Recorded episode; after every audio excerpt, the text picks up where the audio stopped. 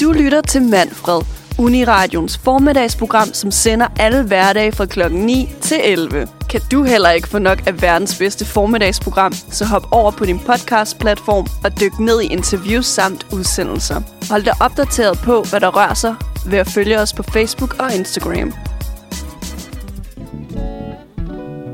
Godmorgen, mit navn det er Ida Hugge, og klokken den er blevet lidt over ni, og øh, det er blevet tid til fredagens udgave af Manfred. Dine værter er, øh, ja, faktisk bare mig. Så det er lidt anderledes, end du måske havde regnet med. Øhm, og også, øhm, hvad jeg havde regnet med egentlig øh, indtil kort tid siden. Ja, så øh, det er, det er bare mig, du skal lytte til i dag. Øh, så hvis du allerede har tænkt, det, det, or, det overgår jeg ikke, så, øh, så bliver det en meget, meget, meget lange øh, par timer her til morgen. Øh, men det er mig. Jeg hedder Ida Hugge, og øh, jeg sidder med solo-værtsrollen i dag.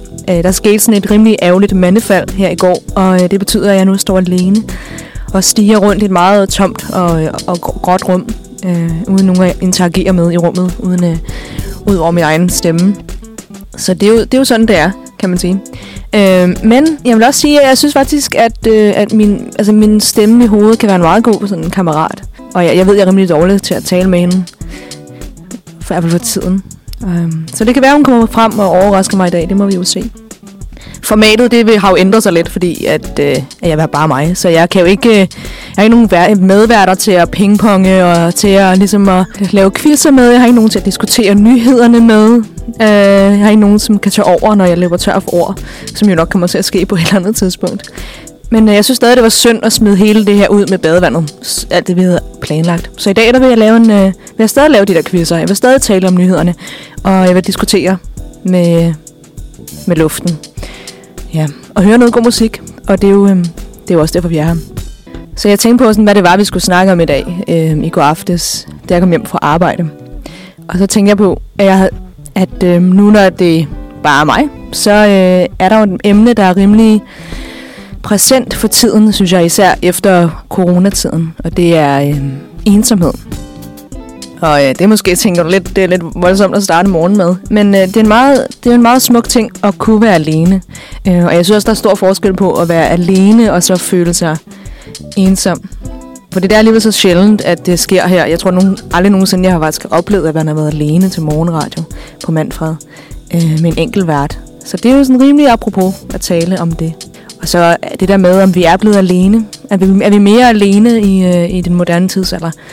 Jeg, jeg tror i hvert fald, vi er blevet nemmere til at... Vi er blevet bedre til at, ligesom at, at måske være alene, eller også, eller også på den anden side er vi blevet mere opmærksom på, hvor alene vi egentlig er, efter at vi skulle sidde indenfor i, i, i to år. Men vi skal også høre noget musik her til morgen, og øh, så her til morgen har jeg faktisk jeg har kigget igennem min sådan virkelig alt for mange playlister på Spotify for at lede efter noget musik her på mens jeg på vej ind på radioen, som har noget med ensomhed at gøre, eller i hvert fald det at være alene på, på, på godt og ondt. Øh, at være med sig selv, øhm, om det så er, er sjovt eller ikke er sjovt. Det, er jo også, det kan jo også være virkelig smukt. En meget god evne at have, og, øh, at være alene. Og jeg er, også, jeg er, på den ene side er jeg meget glad for, at jeg er god til at være alene. Jeg er nogle gange også lidt for god til at være alene, tror jeg. Men altså, jeg, øh, jeg har det meget godt øh, med mig selv, i mit eget selskab. Ja, og det er jo faktisk lidt trist, synes jeg. Jeg så også øh, den her nyhed, som jeg kommer til at snakke mere om øh, efter den næste sang. Det jeg så den på MS, MBC den her uge, at at der var en, øh, en læge, en af overlægerne i, på det hospital i USA, der øh, har kommet ud med sådan et studie om, at ensomhed er lige så slem en livsstilssygdom, hvis man kan kalde det for en livsstilssygdom. At det er komparativt til rygning og, sådan, og diabetes og alle de her ting. Øhm, så det er en nyhed, som jeg vil vende tilbage til lige om lidt. Øhm, fordi jeg synes, vi skal til vores første sang her til morgen. Og da jeg skulle søge efter sange, der handlede om det at være alene, ensomhed, isolation og sådan noget, så var der ret mange sange, jeg så på min playlist, der handlede om, om sådan hjertesorg, og det at være at blive forladt og, og sådan noget. Og der, der er altså også andre måder at være alene på, som ikke nødvendigvis har noget at gøre med at være single. Så den første sang, jeg kom i tanke om, er en ret, en ret trist sang, og jeg tænker også over, om jeg måske synes, den overhovedet var passende at udsætte det her, ja, den gængse lytter for, uden at de ved, hvad der er gået ind, ind til. Øh, men jeg synes, den er, så, den er rimelig enestående, og det er en meget hjertegribende sang. Jeg kunne ikke lade være med at, alligevel at, at, at spille den for jer. Så den første sang, jeg gerne vil spille for jer derude, det er et nummer af min absolut yndlingskunstner i hele verden, sådan min, min ægte kærlighed. Det er nemlig god gamle Bob Dylan. Og det her nummer er fra en, en enorm genial plade, der jeg synes er rimelig undervurderet fra 1997, der hedder Time Out of Mind. Øh, det er faktisk også den plade, hvor nummeret Make You Feel My Love, som Adele senere lavede en meget kendt øh, cover af, den stammer fra. Det første nummer på pladen hedder Love Sick, som også bliver sådan rimelig kendt, øhm, og er et af mine absolut yndlingsnumre af, af Dylan, som handler om, om den der, øh, det der med at være forelsket og være irriteret over, at man er forelsket på samme måde. Altså den der sådan, jeg er syg af kærlighed, og jeg er kærlighedssyg. Øhm, så det spiller han lidt på. Men det er altså ikke den, vi skal, vi skal høre i dag. Det er også bare et ret godt nummer. Jeg vil gerne spille et nummer, der hedder Not Dark Yet, med, med linjer så, øh, så triste som... Øh, Well, my humanity has gone down the drain. Behind every beautiful thing, there's been some kind of pain. Og sætninger som Every nerve in my body is so naked and numb. I can't even remember what I came here to get away from. Øh, som jo er rimelig sådan voldsom, dystre og sådan depressiv linjer, men jeg synes også, at det sætter en scene, som er sådan rimelig relaterbar, når man er i sådan et ensomt og depressivt sted, og man prøver at komme væk fra det og man prøver at gå ud for at komme væk fra det her headspace, man er i. Øh, men når man er et, et, et ensomt og sådan et meget... Øh, altså ensomhed kan være meget, meget, meget larmende. Og når man er i det her sådan meget depressive periode af sit liv, man prøver at komme væk fra det. Problemet bare er, at, at øh, ensomhed og depression er noget, der flytter med dig, når du går, selvom du prøver at løbe væk fra det. Og du måske glemmer, hvad det egentlig er, du prøver at undslippe. Øhm, så vi prøver at finde på alle mulige andre måder ligesom at komme ud af det på. Øhm, og den musikalske baggrund, han ligger i det her nummer, er også enormt sådan sansligt, og man kan, man kan føle på det, og man kan mærke ham øhm, og hans sådan desperation. Den er meget rammende, meget rørende stemme. Og så hans meget sådan smukke, synes jeg jo, øh, enormt smukke stemme, øhm, tilfører flere niveauer af både sådan desperation og sorg, kærlighed, men også håb om, om, at, at det ikke det er ikke helt mørkt endnu. Det vil det blive, siger han så. Øhm, men det er det jo ikke lige der, hvor han synger om det. Og så øhm, efter sangen, så vil jeg gå, så gå i dybden med den her nyhed, øh, jeg så på MSNBC. Og spille klippet fra jer, øh, og for jer øh, fra MSNBC. Men først øh, vil jeg spille et nummer for jer. Det er, det er Bob Dylan med fra Time Out of Mind, albumet fra 1997 med nummeret Not Dark Yet.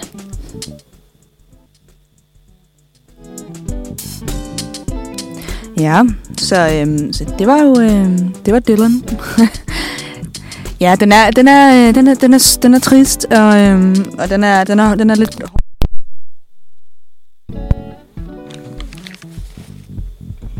Ej, hele systemet gik lige ned. Der er et eller andet, der er sådan... Hvad fuck? Det lavede sådan stort... Det lavede sådan stort... Og så røg alt lyset bare.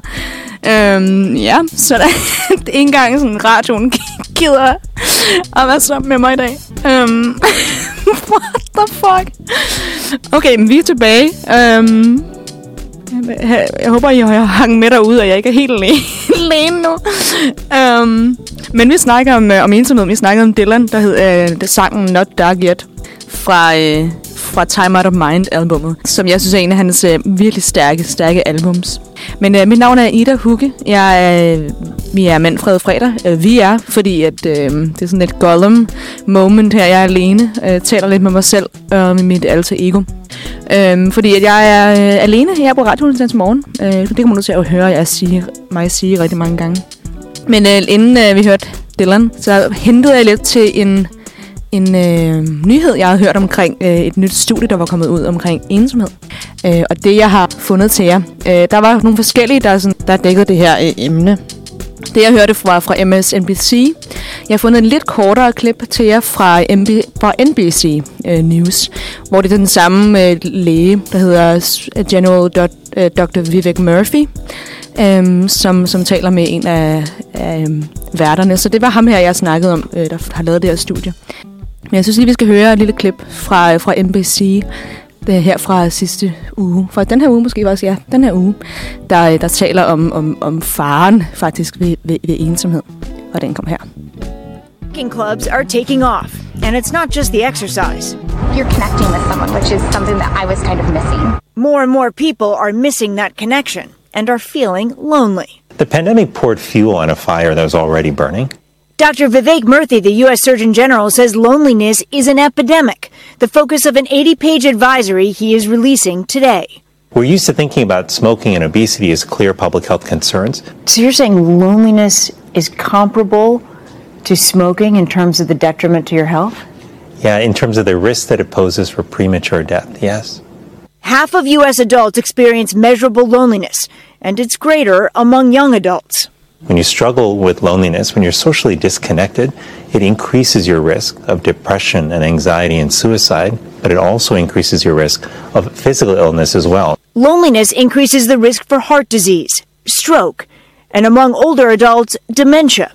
The cure, Dr. Murthy says, is not only personal change, but societal change as well. What we need to do is actually rebuild social infrastructure in our country. You're talking about changing the social fabric. That's been decades in the making. It, it's been decades in the making, but it's also something that I'm confident that we can address when if we put our mind to it and if we act together. Among his recommendations, a focus on community organizations, mobilizing the health sector to raise awareness, and reconsidering how we use technology. In person matters. You know, uh, connecting online has its place, has its value, but it's not a substitute for in person connection. We really do need both. Cultivating and supporting time together, face to face, because our health depends on it. Stephanie Gosk, NBC News. Ja, så øhm, lad os få den der lidt øh, glade musik tilbage fra os her under, øhm, under den øh, lidt triste nyhed. Men det er altså øh, Surgeon General Dr. Vivek Murphy øh, fra USA, der fortæller om det her. at det både kan, at øh, ensomhed, det at være alene, ikke, ikke bare at være alene, men at føle sig ensom. For man kan jo sagtens være i et rum øh, med mennesker og stadig føle sig ensom. Men det er altså noget, der virkelig kan øge risikoen for hjertekarsygdomme og åbenbart også demens. Øhm. Og så, så, så på, vej, på vej på øh, arbejde her på radioen i morges, der købte jeg en kop kaffe, og hvilket egentlig var, var lidt åndssvagt, fordi jeg drak en kop kaffe, da jeg stod op. Øh, og der er kaffe på radioen. Men, øh, men jeg fik altså købt en ny kop kaffe øh, på vejen, selvom jeg havde gratis kaffe for og bag. Øh, men, men det er de der, det er de der små glæder i livet, ikke? Det er det, det handler, hele handler om. De der små sådan, lykkemomenter, man kan finde, der gennem en livsalder sætter sig sammen til at blive sådan en lang vignet af lyspunkter. Og, øh, så jeg havde altså brug for min, øh, for min morgenkaffe. Og der gik jeg jo alene, og jeg, og, og jeg gik fra, øh, fra toget hen til radioen. Øhm, og og der, der kunne jeg helt klart mærke, at jeg synes, det var rart at, at, at gå for mig selv. Og øh, jeg kan også godt finde, jeg kan finde glæde i det der momenter, især i en storby, hvor man kan lukke lidt af. Så øh, man skal jo selvfølgelig heller ikke kimse af at kunne være alene. Øhm, men ja, mit navn er Ida Hugge. Hvis du lige er tunet ind, så vil jeg byde dig velkommen og godmorgen til Manfred Fredag. Øhm, I dag der har jeg mistet mine øh, medværter og står alene med chancen. Og så, øhm, så derfor taler vi altså om alenehed og ensomhed i dag. Og, øhm, ja. Så, øhm, men øh, ja, vi er åbenbart blevet mere ensomme, end jeg troede. Og det er åbenbart især ham her, Vivek Murphy, han siger, at det er især hos unge mennesker i sådan 20'erne og start 30'erne. Og det, det er jo øh, mit segment, kan man sige. Øhm, jeg, jeg tror mest, jeg kan mærke det, når det kommer til, for, for, min, for mig selv kan jeg mest mærke det sådan i, i kærlighedslivet, øh, altså i, også i min sådan, omgangskreds. Vi, jeg tror også, vi er, blevet sådan, vi er blevet individualister som aldrig før. Altså på den ene side er det, er det rigtig godt, at vi begynder at lytte til os selv mere, og hvad, hvad vi individuelt har brug for. Men på den anden side kan jeg også se sådan en, en bagside til, at vi lige pludselig skal være så individuelle. Øh, der er den der trend, især på TikTok lige nu, som jeg sådan, eller som har kørt det længe. Øh, den her idé om, om et rødt flag, eller red flag, eller noget folk gør. Og selvfølgelig skal vi være opmærksom på, at opførsel, der har været okay i fortiden, ikke er, ikke er okay nu. Men altså, der er også noget farligt ved at være sådan, det der, den der karakteristika, den der person har, det er et red flag no matter what. Hvis du gør sådan her, sådan her, så er det et red flag. Hvis du, du skal gå med det samme, når han opfører sig sådan og sådan og sådan. Øhm, Og jeg synes bare, altså inden for mange få årtier, så er de blevet så tydeligt individualister, og vi har så travlt med at adskille os fra andre, være unikke, være os selv. Individet kommer i forreste række osv. Og jeg tror, hvis det ikke allerede har, så vil det komme til at drive os længere og længere væk fra hinanden. Og vi gør det sværere og sværere at skabe tætte relationer. Altså nogle gange må vi jo gå på kompromis i forhold, og det er jeg selv enormt dårlig til, så jeg forstår det godt. Om det så er romantisk eller venskabeligt, eller hvor det her forhold nu er. For sådan, sådan er det jo nu en gang at være menneske. Øh, og vi kan jo ikke leve sammen, hvis alle lukker sig inden omkring sig selv. Men ja, jeg synes, vi skal høre noget musik. Og efter den her sang, så giver jeg mig et kast med en quiz. Det skal fortælle mig, om jeg er ensom øh, fra, øh, fra sådan en, en, en læge, øh, der har lavet en quiz omkring øh, ensomhed. Så det glæder mig til at finde ud af. Øh, men den næste sang, er, jeg skal spille for jer, det er en smuk lille sang øh, af Simon Garfunkel, der perfekt forklarer den her sådan meget skærmende ting, man kan føle af, at man sådan har sin egen lille område, og man prøver at skærme sig fra andre. Så det er den her sådan, skærm, man kan finde øh, i ensomheden, eller alene tiden. Øhm, især hvis man er isoleret individuelt, øh, at man har skærmet sig fra venskaber og tætte, tætte relationer og sådan noget. Øh, og der er et vers som I've built walls, a fortress steep and mighty that none may penetrate. I have no friendship. Friendship causes pain. It's laughing and loving I disdain. Som er sådan rimelig kynisk og voldsomt vers. Men så er der også sådan mere, måske lidt mere relaterbart vers, som jeg godt kan se mig selv i nogle gange. Um, som siger, I have my books and my poetry to protect me. I'm shielded in my armor, hiding in my room, safe within my womb. I touch no one, and no one touches me. Jeg forstår godt glæden ved at trække sig tilbage og absorbere sig selv i en bog. Men øh, det skal ikke være på bekostning af venskaber og for, for at flygte fra folk. Mere fra at, øh, nogle gange at kunne lukke hverdagen lidt af. Og det er jo også vigtigt at kunne. Men det her, det er en sang af Simon Garfunkel fra deres album kaldet Sound of Silence fra 1966, øh, hvor der også er en udgave af Sound of Silence, en electric version på den. Øh. Så det her, det er Simon Garfunkel. Den hedder I Am a Rock fra 1966. Du lytter til et live-program optaget på Uniradioen. Det var Simon Garfunkel med I Am a Rock. Selvfølgelig også sådan lidt, øh, lidt satirisk, kan man godt høre, øh, øh, Paul Simon, at, øh, at der er lidt at der er sådan lidt, øh, lidt ironi i hans stemme. Han prøver i hvert fald at, at, at skabe den der. Det handler nok om en, en rimelig sådan ensom person, der prøver at adskille sig øh, fra andre. Mit navn det er Ida Hugge. Godmorgen, og øh, klokken er kvart i 10. Øh, du lytter til Manfred Fredag, og øh, jeg er alene her i studiet i dag. Så vi snakker om ensomhed og det at være alene. Og, øh, det er sgu også meget hyggeligt. Jeg hygger mig meget med mig selv her til morgen. Øh, jeg har min kaffe, jeg har min lille croissant, der ligger på, øh, på bordet. Øh, og krummer lidt ud over det her øh, ellers fine øh, setup her, vi har. øh, inden øh, Simon Garfunkel spillede, så snakkede jeg om en quiz, øh, jeg skal lave. Det er The Loneliness Quiz, som er øh, noget, der hedder øh, umiddelbart en officiel ensomhedsquiz, der hedder IDR Labs, øh, som er udviklet af en klinisk psykolog, der hedder Dr. Davis P. Taralik PhD. Altså han har en Ph.D. Øhm, og, og, og noget, der hedder University of the Philippines Loneliness Assessment Scale, øhm, som så er, er brugt af ham her, Dr. Uh, øh, Tara Yield. Uh, øh, the test provides the following feedback. Så man kan enten være not lonely, så er der noget, der hedder mild loneliness, så er der noget, der hedder moderate loneliness, high loneliness, øhm, og det er så det, det. Så der er en, en ikke alene, en sådan mild ensomhed, en moderat ensomhed, og så en høj ensomhed. Øhm, ja, så der er, sådan nogle, der er bare også nogle flere psykologer, der har været inde over det her og hjælpe. Men øhm, jeg tænker, vi tager et par spørgsmål, og så hører vi en sang, øhm, og så går vi videre. Den første, det, er, største, det alle spørgsmålene er sådan nogle, er, er du uenig eller enig? Så jeg skal simpelthen trække den her øhm, bare op og ned. Øhm, nu får jeg jo alle mine, alle mine usikkerheder herude i radioen. Så spørg, første spørgsmål er, I feel that nobody appreciates me. Jeg, jeg synes, at der ikke er nogen, der sætter pris på mig. Åh, oh, Øh, lige nu er den i midten, så kan man så trække den fra venstre til højre. Øhm, jeg, jeg, jeg ved, at folk sætter pris på mig. Øh, jeg tror, at som mange andre mennesker øh, man nok kan føle det, at jeg er ret dårlig til at lægge mærke til, til, til, til den værdi, øh, folk sætter på mig. Og, og, og, og, og ja, så, så jeg føler, at det er det, jeg, jeg føler, at ingen sætter pris på mig. Sætter pris på mig. Um, ej, jeg trækker den sådan ned mod disagree, men ikke helt, helt disagree. Så går vi til næste. næste. I feel disconnected from other people.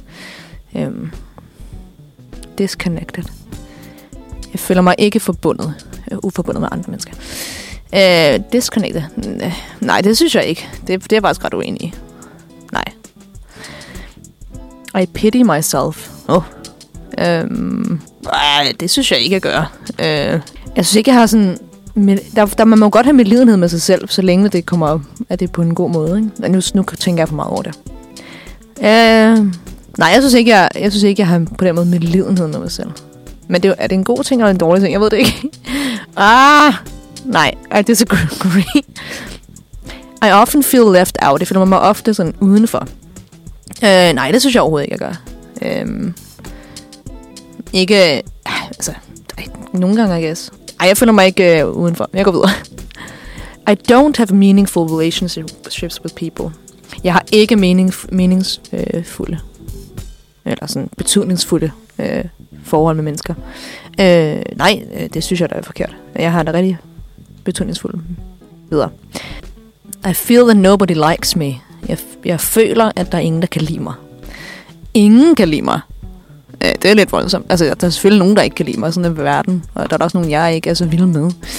Øhm, men altså... Jeg, ej, jeg føler ikke... Altså, hvis folk ikke kan lide mig, så tror jeg ikke, de vil snakke med mig. Så jeg ved det jo ikke rigtigt. Um, jeg kunne sådan næsten disagree, fordi jeg ved jo godt, der er nogen, der ikke kan lide mig, for sådan er verden. At der er nogle, bare nogle mennesker i verden, man ikke kan lide, og det er jo okay. Så ikke helt disagree, men næsten. Okay, vi går videre. I know where to find companionship when I need it. Jeg ved, hvor man finder øh, forhold eller sådan kammeratskab, når jeg har brug for det. Ja, det, det vil jeg sige. Altså, jeg har ligesom en, en, en gruppe øh, tætte mennesker, som jeg kan ringe til. Jeg har til gengæld haft en rigtig sådan Celine Dion moment forleden, hvor at jeg var sådan øh, meget trist og ringede til alle, og så der var ingen, der tog telefonen. Så den der sådan, when I uh, pick up the phone, nobody's home. Um, så, så, så øh, men jeg, jeg ved jo godt, at, at, at, at de ville tage telefonen, hvis de kunne. Um, så jeg synes, jeg, jeg synes, jeg er rimelig enig med, med, med det. Det kan jeg godt. Um, I don't have the confidence for getting involved in relationships. Mm. Så hvad er et relationship? altså, jeg har ikke, jeg har ikke øh, selvsikkerheden til at, at, give, at gå ind i en, en, i en relation. Eller sådan blive involveret i en, i en relation. Det kommer an på, hvad for en form for relation det er, tror jeg. Men jeg, jeg synes egentlig, jeg er meget god til sådan at starte en, eller sådan være i, med mennesker, jeg ikke kender. Jeg er meget glad for at møde nye mennesker. Det, det synes jeg egentlig ikke det, det er forkert. Okay, vi tager lidt sidste spørgsmål, så kan vi gå videre. There are people in my life who really understand me. Der er mennesker i mit liv, som virkelig forstår mig. Øh, ja, det, det, det synes jeg, der, der er. ja, det var de der mennesker, jeg ville ringe til, ikke? Hvis, hvis, hvis jeg var ked af det. Men altså, okay, nu kommer det filosofiske spørgsmål. Ikke? Hvad betyder det, at nogen forstår dig? For der er også nogle filosofer, der siger, at nogen, der er aldrig nogensinde der er nogen, der vil forstå dit inderste, inderste, inderste inden, indre andre end dig selv. Så.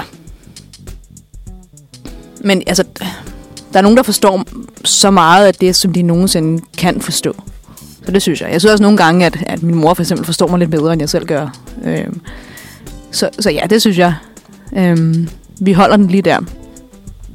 Og så, øh, og så synes jeg, vi skal høre en sang, øh, mens, inden jeg går videre med min øh, ensomhedsquiz her.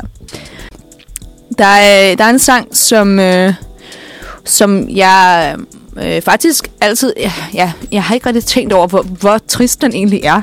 Altså, jeg har bare danset med på den, og sådan er det jo med mange sange lige pludselig, så hører man teksten, og så, øh, så tænker man, nå... Øh, øh, og det er en øh, sang af Bruce Springsteen, Og faktisk ligesom øh, sangen Born in the USA, som ikke er en særlig glad sang om USA. Det handler jo ikke om, at USA er fed. Det handler nemlig om, at USA ikke er så fed. Um, så det her er heller ikke en glad sang om at danse i mørket.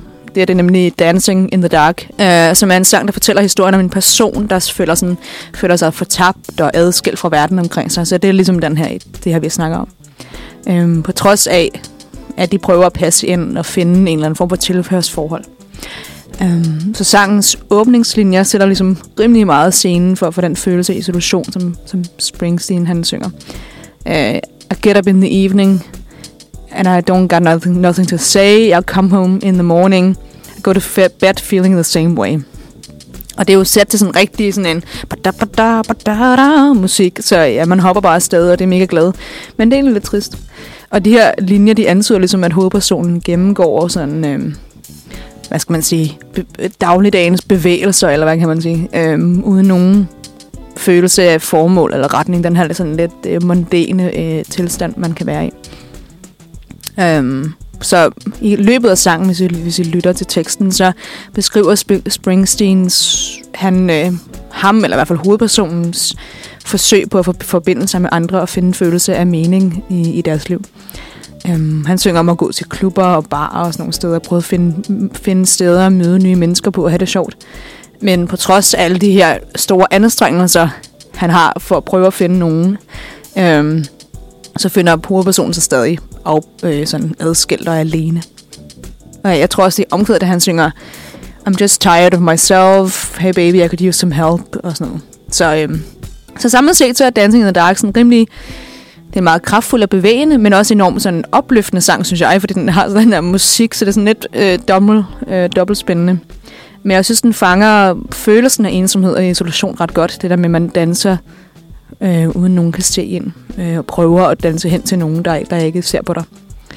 Øhm, ja, så det er, det er en, en, en påmindelse om, om vigtigheden af, af hvad skal man sige, menneskelig forbindelse, sådan human connection. Øhm, og de måder, hvorpå øhm, forhold til andre kan hjælpe os med at finde mening og formål i vores liv. Men det her det er altså en kæmpe, kæmpe banger, synes jeg, fra, øh, fra skønne Bruce Springsteen. Det er fra øh, hans plade Born in, Born in the USA, hvor den samme sang, jeg så nævnte tidligere, at den, den også er på. Det er den der klassiske plade, hvor han står foran en amerikansk flag med, med røven ud af i, øh, i jeans og en hvid t-shirt. Um, den er øh, fra 1988. Så det her, det er Bruce Springsteen med nummeret Dancing in the Dark. Dancing in the Dark af Bruce Springsteen. Og øh, ja, altså, jeg synes, øh, jeg, jeg glemmer lidt, at den er, den er trist og øh, handler om, om øh, sådan search for human connection. Jeg synes, den er sådan, øh, det er sgu en banger. Øh, jeg underviser i, øh, i yoga og fitness og nogle forskellige ting. Og jeg har sådan nogle klasser, hvor vi, øh, ja, der skal være højt tempo. Jeg har tit dancing in the dark med, øh, hvor vi skal hoppe og springe og, øh, du ved, løbe. Øh, og der, der er alle ligesom ret glade for den sang. Øhm, men, øh, men det er også en meget sådan grund eksistentielt emne at, at, dele med, som alle jo øh, ved, hvad er. Øhm, så det er noget, der kan ramme alle. Mit navn det er Ida Hugge. Øh, hvis du lige tuner ind, så øh, er du vel, godmorgen og velkommen. Klokken er lige slået lidt over 10. Og øh, i dag der snakker vi om ensomhed. Jeg sidder alene her i studiet øh, på grund af noget mandefald i går aftes. Så det er bare mig, du skal snakke med øh, og lytte til. Og jeg skal lytte til mig selv. Jeg er i gang med en, en, en quiz, øh, som er, eller sådan en, en survey-agtig, som er udviklet af, øh, af sådan en klinisk psykolog, der hedder øh, David, øh, Dr. David P. Tarayil, øh, Ph.D. Og øh, The University of, of the Philippines Loneliness Assessment Scale. Øhm, så det er sådan en, hvor man skal trække i hver sin retning, så kan man enten sige, at jeg, jeg er uenig, eller jeg er meget enig. Så kan man ligesom trække i, hvilken retning man er. Øhm, og så finder jeg ud af lige om lidt, hvor ensom jeg egentlig er. Så det, det glæder man til at finde ud af. Øhm, og vi lytter til forskellige sange, der, der deler med det her ensomhedskompleks. Øhm, her til morgen, der har vi... Øh, har vi lyttet til Not Dark Yet af Bob Dylan fra uh, Time Out of Mind-albummet. Vi har lyttet til I'm a Rock af Simon, Simon Garfunkel, og så lige nu her Dancing in the Dark. øhm, af Bruce Springsteen. Og jeg har en, en, en lille, jeg har et par legnet op allerede, øhm, så, så det skal I bare glæde til. Men øh, lad os gå videre med den her quiz. Jeg har lige spurgt, øhm, spørg- stillet spørgsmålet, There are people in my life who really understand me, hvor jeg så sagde, det, det synes jeg, er, er, jeg er enig i. Nu går vi videre. Okay, så det er sådan en, øh, der kommer et statement, og så skal man enten sige, om man er enig eller uenig i det. Og øhm, det her, det her spørgsmål er, I feel inadequate when it comes to relationships. Jeg føler mig sådan, jeg føler mig ikke on par, kan man sige, med, med, med dem, jeg er sammen med. Så jeg føler mig ikke på lige fod. Øhm, og det kommer virkelig an på, hvem jeg er sammen med. Altså, øhm, ej, det synes jeg ikke. Altså, det er virkelig svært. Men jeg føler mig utilstrækkelig. Nej, det synes jeg ikke, jeg gør. Jeg, synes, jeg føler mig ikke utilstrækkelig. Det, det, det er meget voldsomt at sige, synes jeg. Nu går vi videre. I feel worthless. Åh, oh, det er godt. um, I feel worthless. Nej, altså sådan bare generelt, eller hvad? Om jeg føler mig, hvad, hvad kan man, hvordan kan man oversætte det? Værdiløs. Um, nej, det, det synes jeg ikke, jeg gør. Jeg, jeg føler mig ikke værdiløs. Nej. Nej. Videre. I'm satis- satisfied with my life. Mm, jeg er tilfreds med mit liv. Ja, det vil jeg sige. Altså, øh, kunne jeg godt lige bruge lidt, øh, lidt flere penge i, i, i, i banken? Ja, det kunne jeg godt. Øhm, kunne jeg godt bruge lidt time, flere timer i døgnet? Ja. Kunne jeg godt være færdig med min bachelor, og nogle andre skulle skrive den for mig? Ja. Øhm, kunne jeg godt bruge weekend? Ja. Kunne jeg godt bruge en kat? Ja. Så... Ej, jeg er rimelig tilfreds, må jeg sige. Øh, jeg, jeg synes, jeg har det meget godt. Um, men altså, der er selvfølgelig altid øh, mere, man kan, man kan tilføje. Men altså, det er jo så det, ikke? Altså, når man bliver gladere af det. Så er der altid mere og mere og mere, man kan have. Lonely is a person who wears the crown, ikke det, man siger. Um, jo, jeg er, sådan, jeg er enig, men ikke sådan helt, helt, helt enig. Jeg, jeg, er, sådan, jeg er rimelig tilfreds. Sådan moderat tilfreds. I'm dissatisfied with my, with my relationships. Nej, det, altså, det er også sådan, det er sådan noget, hvordan kan man svare på sådan, jeg, det kommer virkelig an på. Jeg er utilfreds med mine forhold. Øhm, nej, øh, nej, altså, det, altså, jo, I guess, eller sådan. Nej, det er jeg ikke. Um, I feel alone even in a group. Jeg føler mig alene, selvom jeg er i en gruppe. Det var det, jeg snakkede om tidligere. Man kan godt føle sig alene, selvom man er omringet af mennesker. Øhm, det kommer virkelig også an på, hvilken gruppe jeg er sammen med. Jeg tror, jeg har, har været i, grupper, hvor jeg simpelthen bare sådan stiger ud i luften, og der er ingen at snakke med. Øhm, men så er det mere, fordi de er sådan lidt kedelige at være sammen med. Kender ikke det? så, øhm, øhm, nej, det synes jeg ikke, jeg gør. Jeg går ikke helt ned. Jeg går sådan næsten ned til disagree, fordi at, det kan jo godt ske. Så har lige to spørgsmål mere, og så, øh, og så lad, os, lad os høre næste sang. I feel that others always look at my faults. Jeg føler, at, at andre mennesker altid lægger mærke til mine, mine mangler og mine fejl. Um, nej, altså always. Um, men altså, jo, jeg kender det godt. Altså, jeg har da også følelsen af, at sådan, at øh, hvis folk siger en kompliment, så lytter jeg... Hvis folk siger til 100 komplimenter, og én ting, der, der er galt, så lytter jeg til den ting, den kritik, der kommer. Øh, det tror jeg er meget menneskeligt. Øh, men, men nej, altså jo, nogle gange kan jeg godt mærke, at folk... Øh, men altså, er det ikke meget menneskeligt? Jeg, jeg tænker for meta på det her spørgsmål. Altså, jeg, jeg tænker alt for meget over det. Okay, jeg går næsten ned. Og så tager vi et spørgsmål mere. Og så det sidste, inden vi hører en sang. Det er godt nok en lang quiz, det her. Det er godt nok... Øh, det er en in depth. Okay. I feel that I'm misunderstood. Mm, øh, pff, øh, altså, af hvem, hvem er misforstået? Øh, jeg kan godt føle mig misforstået. Men, øh, men så tror jeg, det kommer ned til min egen øh, mangel på kommunikation. Øh, øh, altså skulle jeg bare have sagt det på en, på en måde, der var nemmere at forstå. Mm, og det er ofte, hvis jeg føler mig misforstået, er det fordi, jeg ikke selv helt egentlig forstår, hvad det er, jeg siger.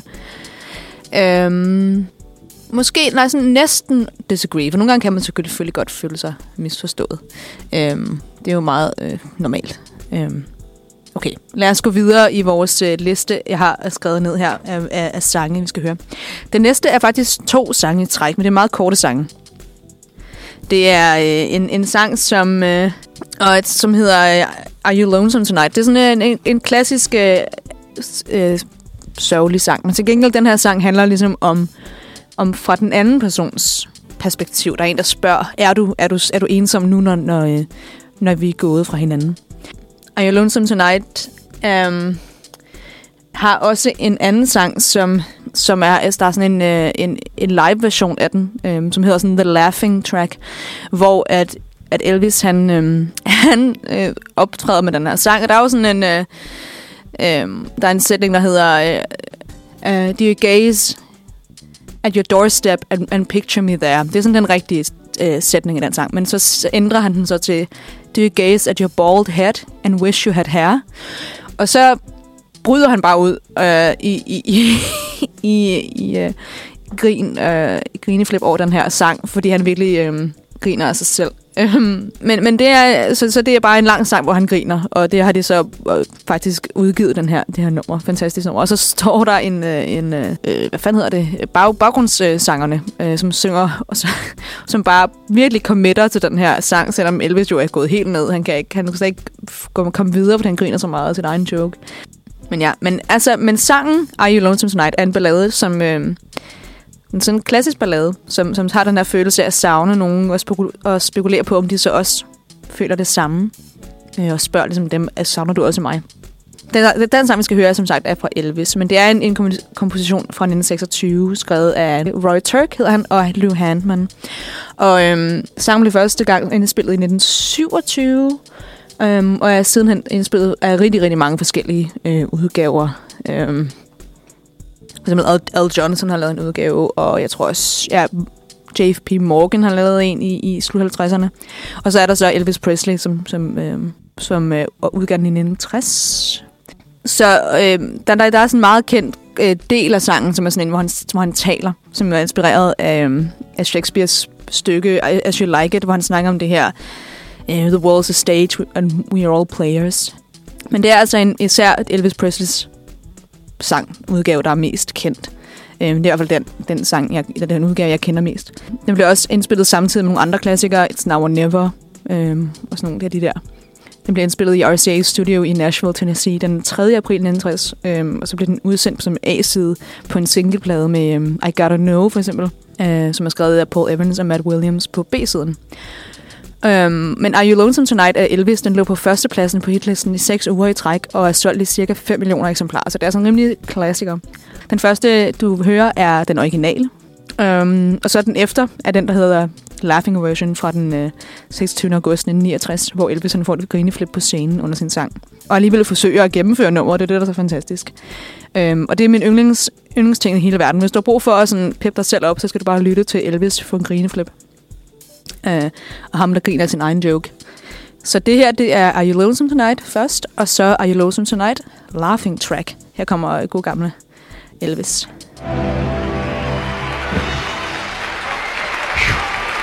That's it, man.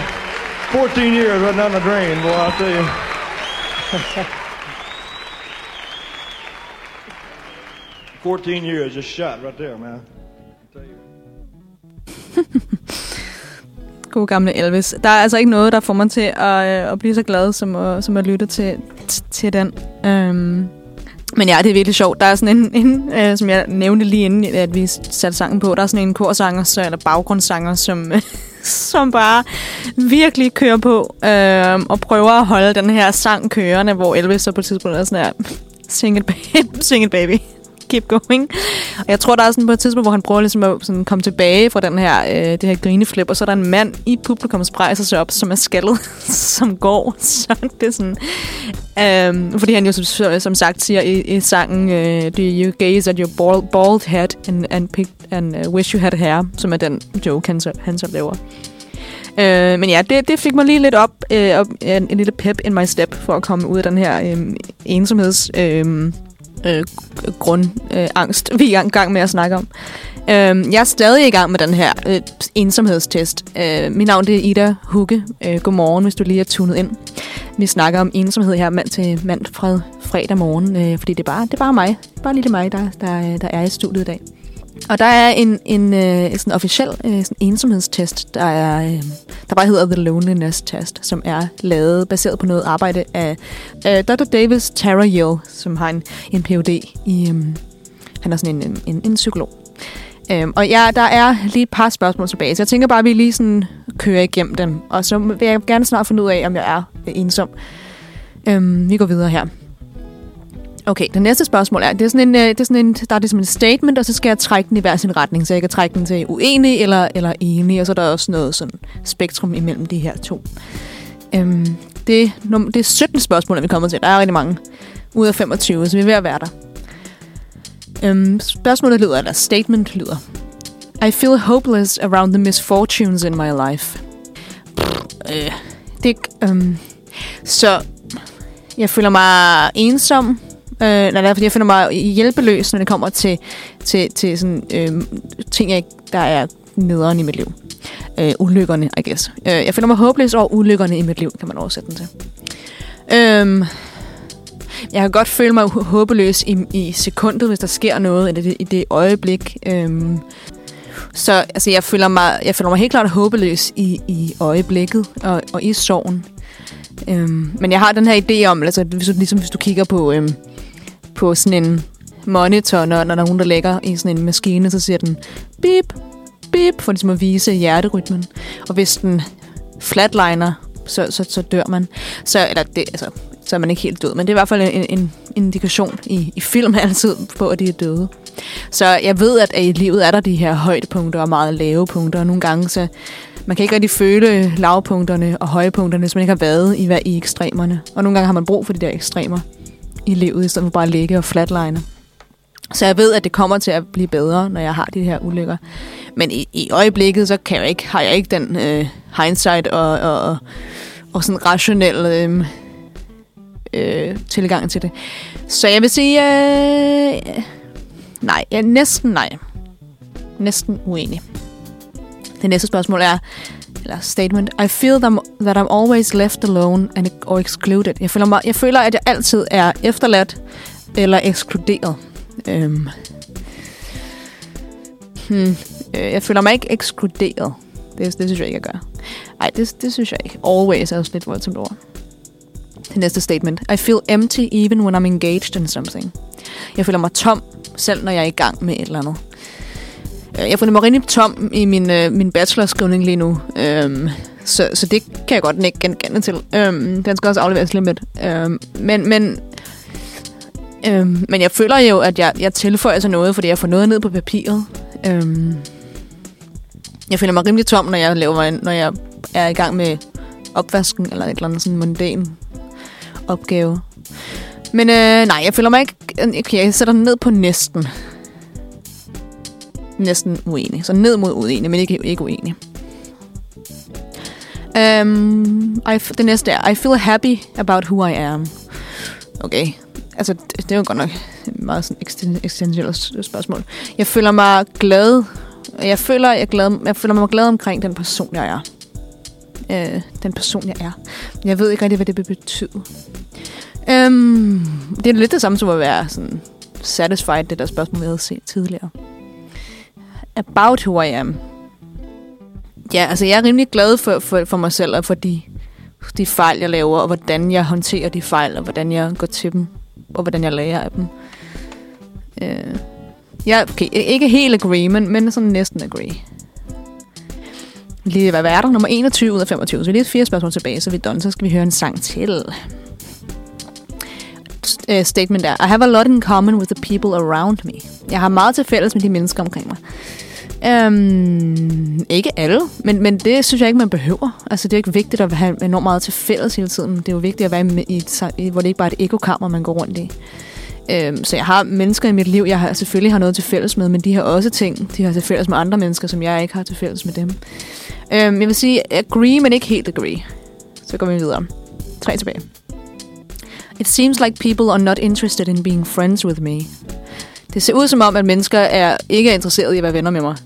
Øhm, det ved jeg jo ikke. Altså, jeg er jo, jeg er jo venner med dem, der vil være venner med mig, og jeg er ikke venner med dem, der ikke vil være venner med mig. Så, men sådan umiddelbart... Øhm, nej, altså det ved jeg ikke. Næsten uenig, fordi jeg har jo mennesker i mit liv, men der er jo selvfølgelig også mennesker, der ikke kan lide mig. Ja, det har snakket vi om tidligere. Jeg går videre. Så ikke, ikke jeg er uenig. Okay. Uh, næst sidste, tredje sidste spørgsmål. I usually think of sad things in life. Normalt tænker jeg, eller sådan, jeg, jeg, jeg tænker tit på sørgelige ting i livet. Øhm, altså, det, det er jo sådan et spørgsmål, er du meget positivt anlagt eller negativt anlagt? Øhm, ikke usually, det synes jeg er lidt voldsomt. Nej, det, det, det synes jeg ikke rigtigt. Okay, næste sidste spørgsmål. Eller statement. I feel that others reject me. Jeg føler, at andre, øh, jeg føler, at andre afviser mig. Øhm, mm, nej. Nej, det føler jeg ikke. Sidste, sidste spørgsmål. I feel confident about the future. Jeg føler mig selvsikker omkring fremtiden. Altså fremtiden for mig selv, fremtiden i min karriere, fremtiden i mit liv, fremtiden for menneskeheden. For det er ikke fremtiden for menneskeheden. Det får mig ikke særlig selv, selvsikker for fremtiden for menneskeheden. Men sådan, jeg er mere glad for fremtiden, end jeg er ikke glad for fremtiden. Okay, det var 25 ud af 25 spørgsmål. Øh, efter pausen, eller efter sangen her, så, øhm, så læser jeg op til jer, om, om, om jeg er sørgel, eller alene, eller om ikke er alene. Og så skal vi tale om nogle bøger, der snakker om, om det at være alene. Øhm, men lad os høre en sang. Øh, efter den her sang, skal vi som sagt snakke om, om en aktivitet, der er rimelig sådan solitært, nemlig at, at anmelde bøger, som kan være en god måde at, at, at flygte, eller i hvert fald sådan øh, flygte ind i en anden verden. Og så hører vi øh, om, om den her læge, synes jeg, er, er ensom eller ej. Men øh, til daglig, jeg nævnte, at jeg skulle have bachelor som engelsk. Jeg er engelskstuderende, og det betyder, at jeg har læst rigtig mange øh, bøger. Jeg får smidt mange bøger i hovedet. Og et emne, som er meget sådan menneskeligt og eksistentielt, er den her ensomhed og følelsen af at være alene, som vi har snakket om.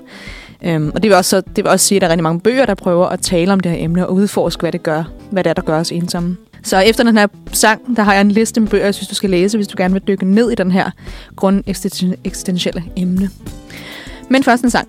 Det her, det er øhm, også nogle af mine yndlingskunstnere. Det er et kanadisk band, der hedder Cowboy Junkies, som har lavet deres eget cover af en meget kendt nummer, der hedder I'm So Lonesome I Could Cry, som er en rimelig trist øh, titel. Original er, er, den, øh, er den meget ikoniske amerikanske country-stjerne, som hedder Hank Williams. Den er fra 1949, den originale.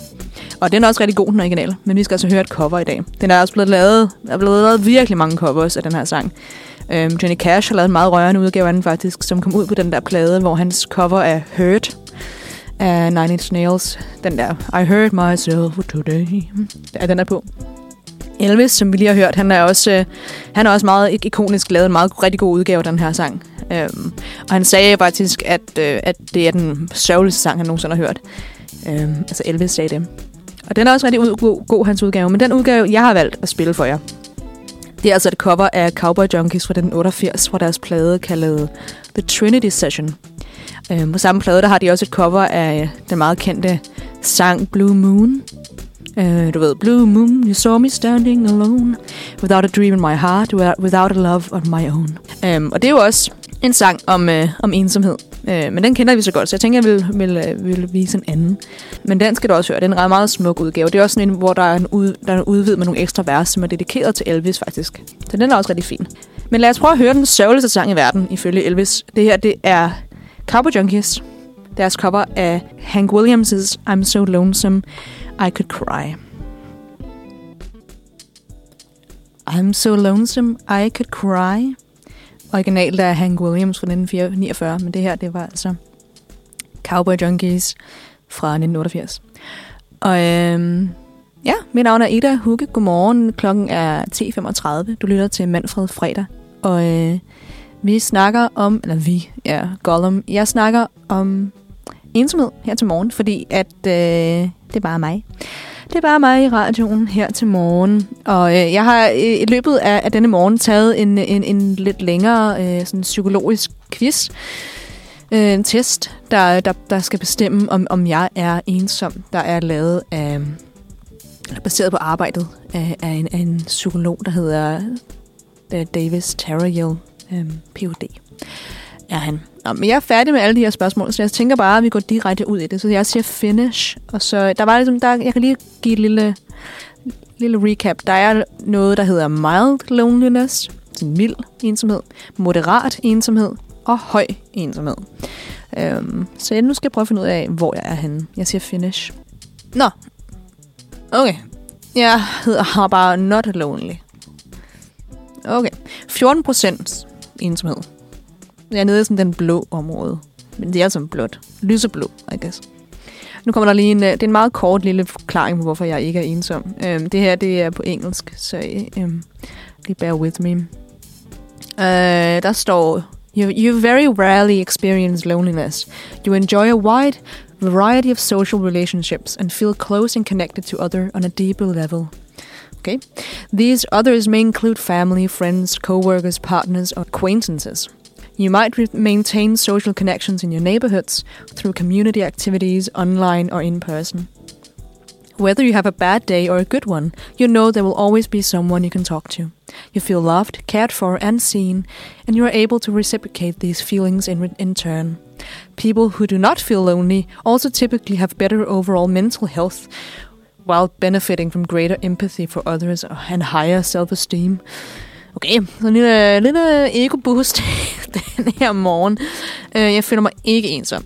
Øh, men der, okay, der er også forskel på at føle sig alene en gang imellem, og så være ensom. Det var det, vi snakkede om. Øh, og jeg tror ikke, jeg som, som grund øh, idé, altså en grund bundlinjen er ensom. Men det er jo meget godt at vide. Øh, på den anden side, så synes jeg, det er rigtig vigtigt at kunne være alene med sig selv, og kunne være alene med sine egne tanker. Øh, og en måde, man kan være alene med sine egne tanker, det er, at man kan sætte sig og læse nogle bøger. Øhm, så jeg har en lille liste af bøger, jeg synes, øh, du skal læse, som er, er ret fantastiske, som dealer med de her sådan eksistentielle øh, problemstillinger. Øh, den første, jeg har skrevet ned, det er en, øh, det er en bog af en, der hedder Dubrava Ukrasik, øhm, som hedder The Museum of Unconditional Surrender. Af, ja, som sagt, af Dubrava Ukrasik, som er en roman, der udforsker de her spørgsmål øhm, og emner som ensomhed og isolation især. Så den er fortalt gennem en øh, immigrants øjne. Øhm, hovedpersonen hun er en, en kro, øh, kroatisk kvinde, som bor i Berlin, og som sådan reflekterer over sin fortid og sin kulturelle identitet, øh, mens hun kæmper med de her, den her følelse af fremmedgørelse og sådan adskillelse i en fremmed by. Øh, romanen den er opbygget som sådan en, en række, kan man sige, sådan nogle vignetter, øh, der, der sådan væver forskellige tråde af hukommelsen, refleksion og sådan i agtagelse sammen. Så er forskellige sådan, ting, hun ser og tænker på og oplever og sådan noget. Øhm, og gennem de her fragmenter, så får læseren sådan en fornemmelse af hovedpersonens isolation og ensomhed. Øhm, at den faktisk er ret stor, når hun så navigerer i udfordringerne øh, ved at være en outsider eller sådan udefra i et nyt sted. Øh, der er også sådan ideen om omkring traume, øh, forskydning, tab, de her øh, spørgsmål, som, som også uddyber den her følelse af følelse, følelsesmæssig distance fra andre mennesker, og den her fremmedgørelse, der præger øh, fortællingen. Så The Museum of Unconditional Surrender er ret smukt, ret in, sådan introspektiv roman, der taler om sådan, øh, kompleksiteten øh, af den, man sige, den menneskelige øh, værende oplevelse. Især i forbindelse med, med kulturel identitet og immigration. Så rigtig spændende øh, bog. Den næste, jeg har taget med, det er øh, en øh, bog af Ray Bradbury. Øhm, den der kendte øh, sci-fi-forfatter. Øh, den, hedder, den, bogen hedder The Martian Chronicles, øhm, som er sådan en science fiction roman, der udforsker de her øh, temaer. Øhm, men de udforsker dem sammen i, i, i ideen omkring... øhm, eller gennem historien om en øh, om kolonisering af Mars. Så det er sådan en, en række forskellige forbundne noveller. Det er en række noveller, men som sådan hænger sammen, som man ligesom ser med forskellige synspunkter, som følger forskellige karakterer og grupper, når de, når de navigerer i den her udfordring, det er øh, at leve på en ny planet og interagere med de her indfødte Marsboere. Så det er jo også en... Øh, kunne man jo godt sige, det er en historie om, nogen, der kommer til et andet land og prøver at, at interagere. Øhm, så jeg synes, at sådan igennem hele romanen, de her, eller sådan novellesamlinger, I guess, er, øhm, er der sådan meget gennemgående følelse af isolation og adskillelse og ensomhed. Øhm, især det der med at være et nyt og sådan ukendt sted øhm, og miljø. Og så, kæmpe, og, og, og så også en helt fysiske sådan, øh, struggle, eller kampe, fordi de kæmper for at tilpasse sig de her meget sådan barske forhold, der er på Mars. Øhm, ja. Øh, så øhm, der er nogen, der er hjemsøgte minderne om jorden, og så de forhold, de så har efterladt. Øh, som, er, som også som fører til sådan meget voldsomme følelse af længsel og nostalgi, som, som øh, nostalgi og længsel, noget der virkelig kan, kan, kan få en til at føle sig alene, synes jeg. Øhm, men jeg synes også, at The Martian Chronicles også sådan snakker om temaet omkring sådan om ensomhed i sådan et mere positivt lys. Øhm, hvor at, at ensomhed også kan føre til en form for et, som en middel til sådan selvopdagelse og intro, intro, øh, kan man sige, introspektion. Øhm, så der er også nogle mennesker, der nogle af karaktererne, der finder trøst i den her ensomhed, og bruger det som en mulighed for at reflektere over deres liv og deres sådan, plads i universet. Øhm, det er også tit det første, når vi keder os, at vi virkelig kan opdage nye ting. Øhm, så det er vigtigt nogle gange at være i de her lidt selvisolerende mm, øh, steder, hvor vi lige pludselig kan, kan øh, kigge op, ligesom Galileo øh, gjorde med sit teleskop, og, og opdage, at, at vi er på en eller anden måde alene øh, i universet. Ja, så det er sådan meget, det er meget smuk roman, Øhm, og meget sådan levende billeder og meget komplekse karakterer.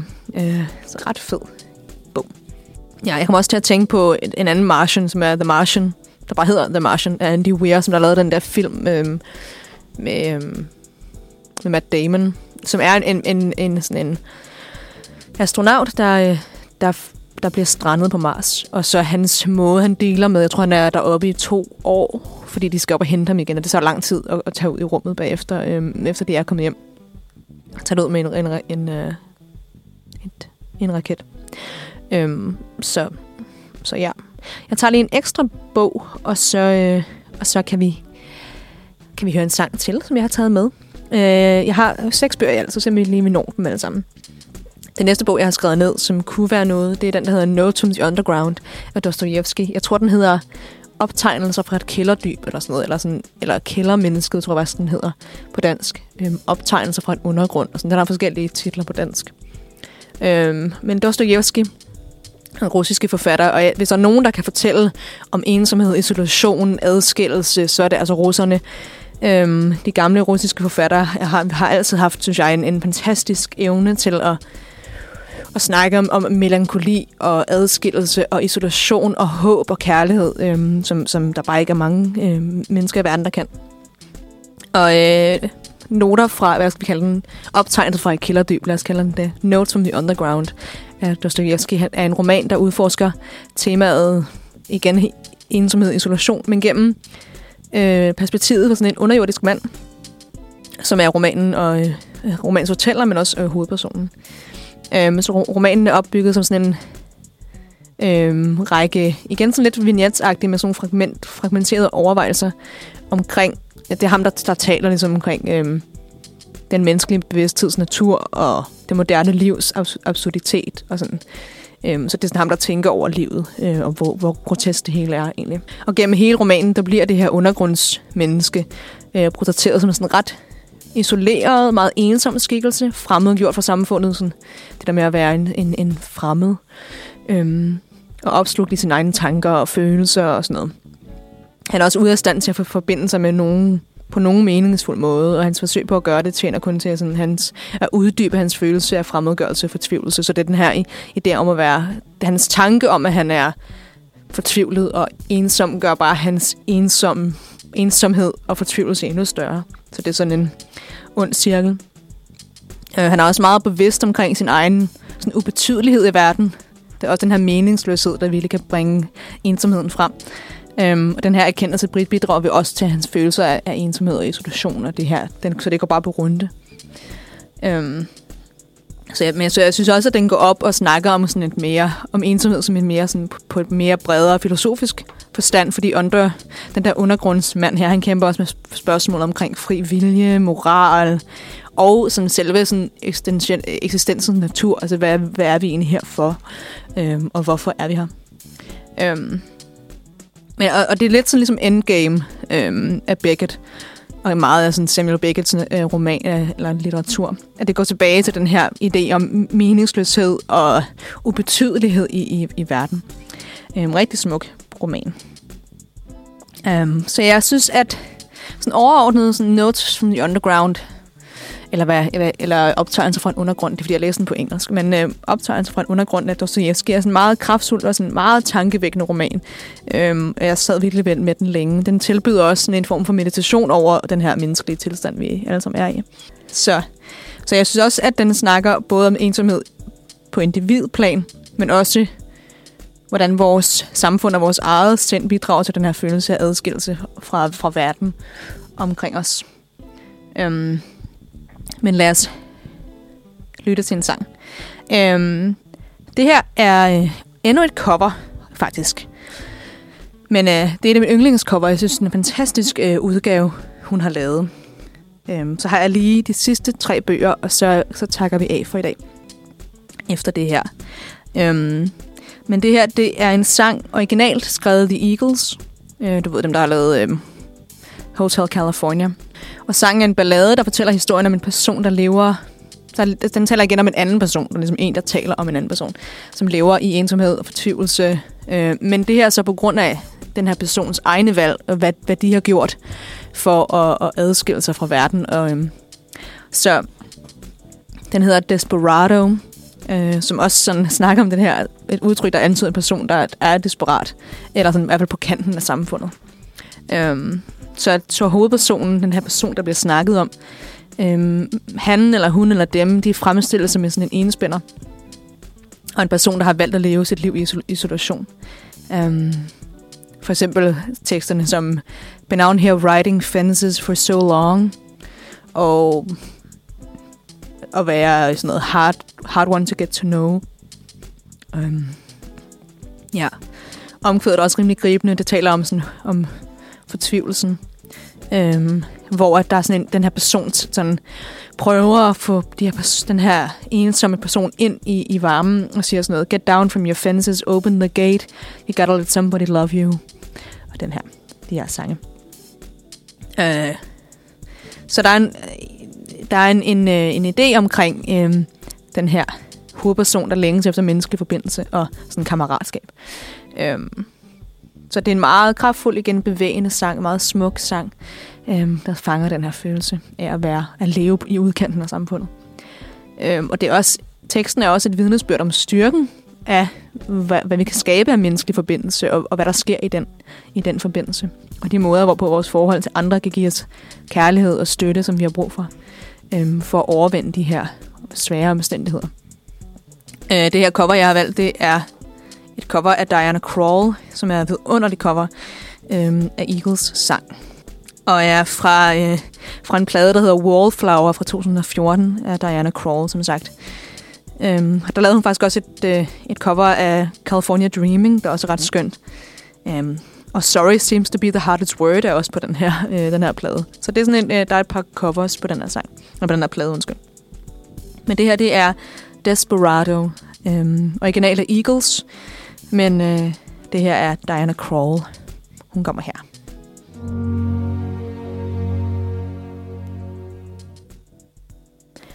Desperado. You better let somebody love you before it's too late. Så det er også en, en bøn øh, fra en øh, måske en, en nær person, der siger, kom nu ind i varmen, du har brug for, øh, for os. Og du er ikke alene. Øhm, ja, vi er lige ved at runde af i dag. Øhm, fra, øh, fra Manfred fredag her til morgen. Øh, mit navn er, er Ida Hugge, og jeg snakker om, om, om, om ensomhed den her morgen. Jeg er lige i gang med at, øh, at ramse nogle, nogle bøger op, jeg synes, du skal læse, som, som, som sådan omkapsler det her øh, emne omkring ensomhed og isolation. Øh, det næste, den næste bog, jeg gerne vil, vil anbefale til dig, det er en, en novelle af Charlotte Perkins Gilman, som hedder The Yellow Wallpaper øhm, som også udforsker, som sagt, de her ensomhedsemner. Øh, øh, den her gang fra perspektivet fra en ung, ung kvinde, som lider, lider af, jeg ved ikke helt, det er, hvad det er, men det er sandsynligvis noget sådan fødselsdepression. Øhm, så, øhm, så historien fortælles i første person af hovedpersonen, som er sådan indespærret i et værelse med gul tapet i sin mands sommerhus. Så det er ligesom det, hun, hun fokuserer på, det er det her gule tapet. Og efterhånden som historien den skrider frem, så bliver øh, hovedpersonen mere og mere fixeret på det her tapet på sit værelse, og ser sådan mønstre og billeder, øh, som, som så begynder at afspejle hendes egen mentale tilstand, som hun ser, ser det. Øh, hun bliver mere og mere isoleret øh, fra sin mand også, øh, som afviser hendes bekymringer og sådan er ligeglad med, med det, hun siger. Øh, og ikke rigtig tillader hende at forlade det her rum. Øh, og hun føler sig også isoleret fra resten af verden, som hun så... Øh, som hun kun kan observere på afstand, fordi hun er hun kigger ud gennem vinduet. Og jeg synes, at gennem hovedpersonens sådan, overvejelser og oplevelser, så tilbyder The Yellow Wallpaper også en meget sådan, kraftfuld kommentar til virkningen af, af, af indespærring og isolation, og hvad det kan betyde at blive sådan trukket ud fra samfundet og placeret et sted øh, og være isoleret. Øhm, for, øh, og, og hvordan det har, har påvirket, påvirket øh, påvirkning hedder det på den menneskelige psyke. Øh, hendes mentale tilstand forværrer sig også efterhånden, som hun bliver mere og mere afskåret fra omverdenen øh, og fanget inden for de rammerne af det her værelse. Ja, så det er en rigtig smuk, øh, meget sådan tankevæk, øh, tankevækkende, øh, tankevækkende oh, godmorgen, udforskning af øh, den menneskelige tilstand. Og den måde, som øh, indespæring og isolation kan påvirke vores mentale tilstand. Øh, den næste bog, jeg lige vil smide ud til jer, den hedder The Solitude of Prime Numbers. En, en lidt nyere bog, der hedder af Paolo øh, Giacorno, som er en roman, der udforsker øh, ensomheds emnerne gennem to hovedpersoner, som hedder Alice og Mattia. Øh, og de følger de her personer fra barndom til voksenliv og undersøger, hvordan deres tidlige oplevelser af isolation og ensomhed har en, en, sådan en, en, var, en varig indflydelse på deres liv. Alice, hun er sådan en ung pige, der er øh, involveret i en skiulykke, øh, som e-, efterlader hende med en sådan en permanent øh, haltning, eller sådan, hun er, hun, hende, det ene ben er dårligt. Den her skade, den adskiller hende så fra sin jævnaldrende og gør det svært for hende at være og danne tættere relationer, fordi hun har, hun har et, et handicap. Øhm, Mattia er en, øh, en meget genial sådan, matematiker, som har meget alvorlig social angst og kæmper for at, kæmper for at holde sig i kontakt med andre, men det har haft svært ved det. Og så ser vi så i løbet af den roman, hvordan de her to karakterer, de drager mod hinanden, på trods af deres meget sådan, at de begge to har svært ved, ved forbindelse, men de samles så sammen. Øhm, så øh, de begynder så at danne forhold. Meget smuk historie. Ja, så også en, en måde, hvordan at ensomhed og følelsen af isolation faktisk kan skabe nogen, kan bringe nogen sammen, fordi man har den her samme, øh, samme idé og, øh, og oplevelse omkring at være, øh, at være ensom. Og den sidste bog, jeg vil smide ud til jer, det er en meget, meget kendt, kendt bog, øhm, nemlig The Shining. Og, og den her tog jeg med, fordi at den er meget sådan direkte også mere ved placeret øhm, i et sted. Og, og er jo bare sådan en, bare, bare en gyserroman øhm, af Stephen King. Men jeg synes, den er øh, enormt smukt skrevet, og, øh, og har nogle virkelig sådan øh, spøgende og, og ubehagelige øhm, øh, øh, øh, linjer. Øh. Det er en, du har måske set filmen af Kubrick med Jack Nicholson, men den er meget anderledes bogen. Det er næsten en, en helt anden historie. Øh, og øhm, The Shining af Stephen King er en gyserroman, som sagt, der udforsker temaerne ensomhed gennem øh, perspektivet både fra hovedpersonen Jack, men egentlig også gennem hans søn.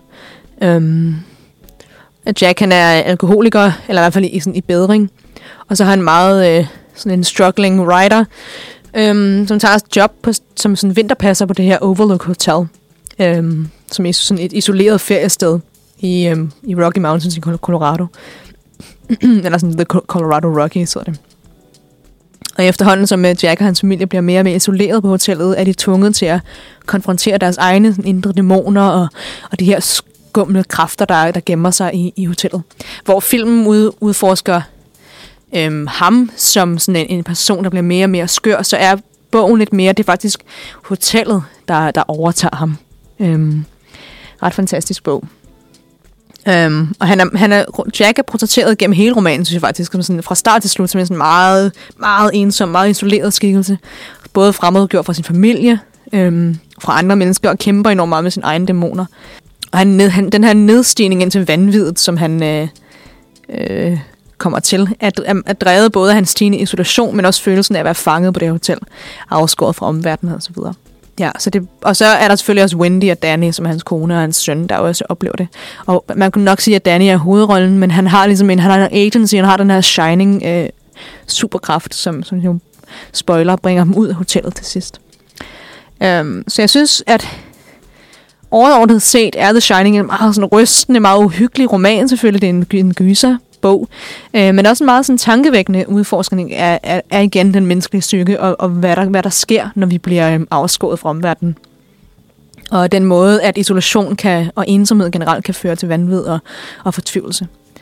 Og jeg synes også, at Stephen King har sådan meget livligt og komplekst billedsprog øh, og meget komplekse karakterer som også tilbyder romanen er meget sådan en, igen en kraft, en meditation, øh, kan man sige, over øh, igen den menneskelige tilstand. Der er der mange i de her bøger, der snakker om. Øh, men også hvordan vores miljø, vores tanker og følelser kommer til at, at forme vores oplevelser af verden omkring os. Ja, vi startede med en sang af en bestemt kunstner, og vi slutter faktisk med en sang af den samme kunstner. Øh, fordi det kan man jo gøre, når... Øh, når man er alene, så kan jeg bestemme, hvad vi skal høre. Og det her er, øh, er en sang igen af, af Bob Dylan. Og hvis der er nogen, der kan skrive om sange om ensomhed, håb, forvirring, politik, historie, fortid, nutid, fremtid, alting, så er det altså Dylan. Øhm, og den næste sang, jeg gerne vil spille for jer, det er en nummer, der hedder Desolation Road. Det er den, jeg gerne vil sende jer afsted med. Øh, som er et ret langt nummer, men så kan du... Det er sådan en, næsten en, en epic. Øh, det var en sang, der blev udgivet i 1965 på, øh, som det aller sidste nummer på hans album Highway 61 Revisited, som var sådan en meget banebrydende album, øh, hvor han, Øh, han gik elektrisk, som var mange var sure over. Men uh, Desolation Row er sådan en, en meget surrealistisk og næsten sådan en vid, vidtstrakt epos, som jeg nævnte, at øhm, der væver sådan nogle forskellige, um, til synligheden rimelig adskilte temaer og billeder, som han jo har med at gøre øhm, sammen. Øhm, også referencer til historiske personer og sådan litterære karakterer og meget sådan kulturelle ikoner på det tidspunkt. Men i, sådan i kernen eller i bunden er Desolation Row. Øh, igen har jeg skrevet en meditation øh, over den her moderne samfundstilstand. Det var så i 1965. Men, øh, og de måder, hvor at vi kan... Øh, at, den her, at, at samfundet kan, kan, kan bringe os til følelser af ensomhed, isolation og fortvivlelse. Og jeg synes også, at øh, selve sådan titlen antyder en eller anden form for sådan meget øget og sådan goldt landskab, øhm, hvor at et, et, sådan et eller andet sted ude midt i det hele, hvor at mennesker er afskåret fra hinanden og fra verden omkring dem. Og jeg synes, at gennem hele sangen, så maler Dylan sådan et meget levende billede af karakterer, der er fanget i deres egen isolation og fortvivlelse, og ikke rigtig har kontakt med andre. Øhm, for eksempel så skriver han om sådan en, om en nar, der, der græder på karnevalspladsen, carnival, the carnival floor. Øhm, og en diplomat, der er nu har jeg oversat det til dansk, klædt som en soldat med fødderne i mudderet. Øhm, ret fantastisk billede. Og ja, de her billeder, de fremkalder også en følelse af afbrydelse, desorientering og alle de her sådan umiddelbare sådan adskilte emner øhm, fra hinanden. Så, øh, og, og, så de, her, de her karakterer i den her fantastiske øhm, epos-sang øhm, kæmper alle sammen for at finde deres egen plads i verden. Så jeg synes, Desolation Row er en meget, sådan, meget gådefuld sang, som han jo bliver, han har altid har gjort, Dylan. Øh, men der er bare ikke nogen, der kan, der kan, der kan skrive helt som ham, det er der altså ikke. Og det er også en sang, der kan fortol- fortolkes på mange forskellige måder. Det behøver ikke at handle om ensomhed. Det var bare ligesom den, øh, det er den vibe, jeg får af den. Men øh, i sin kerne-kerne, så det er sådan en meget stærk kommentar til, igen, den menneskelige tilstand. Øh, og hvis der er noget, vi kan vi har brug for at snakke om, så er det vel den.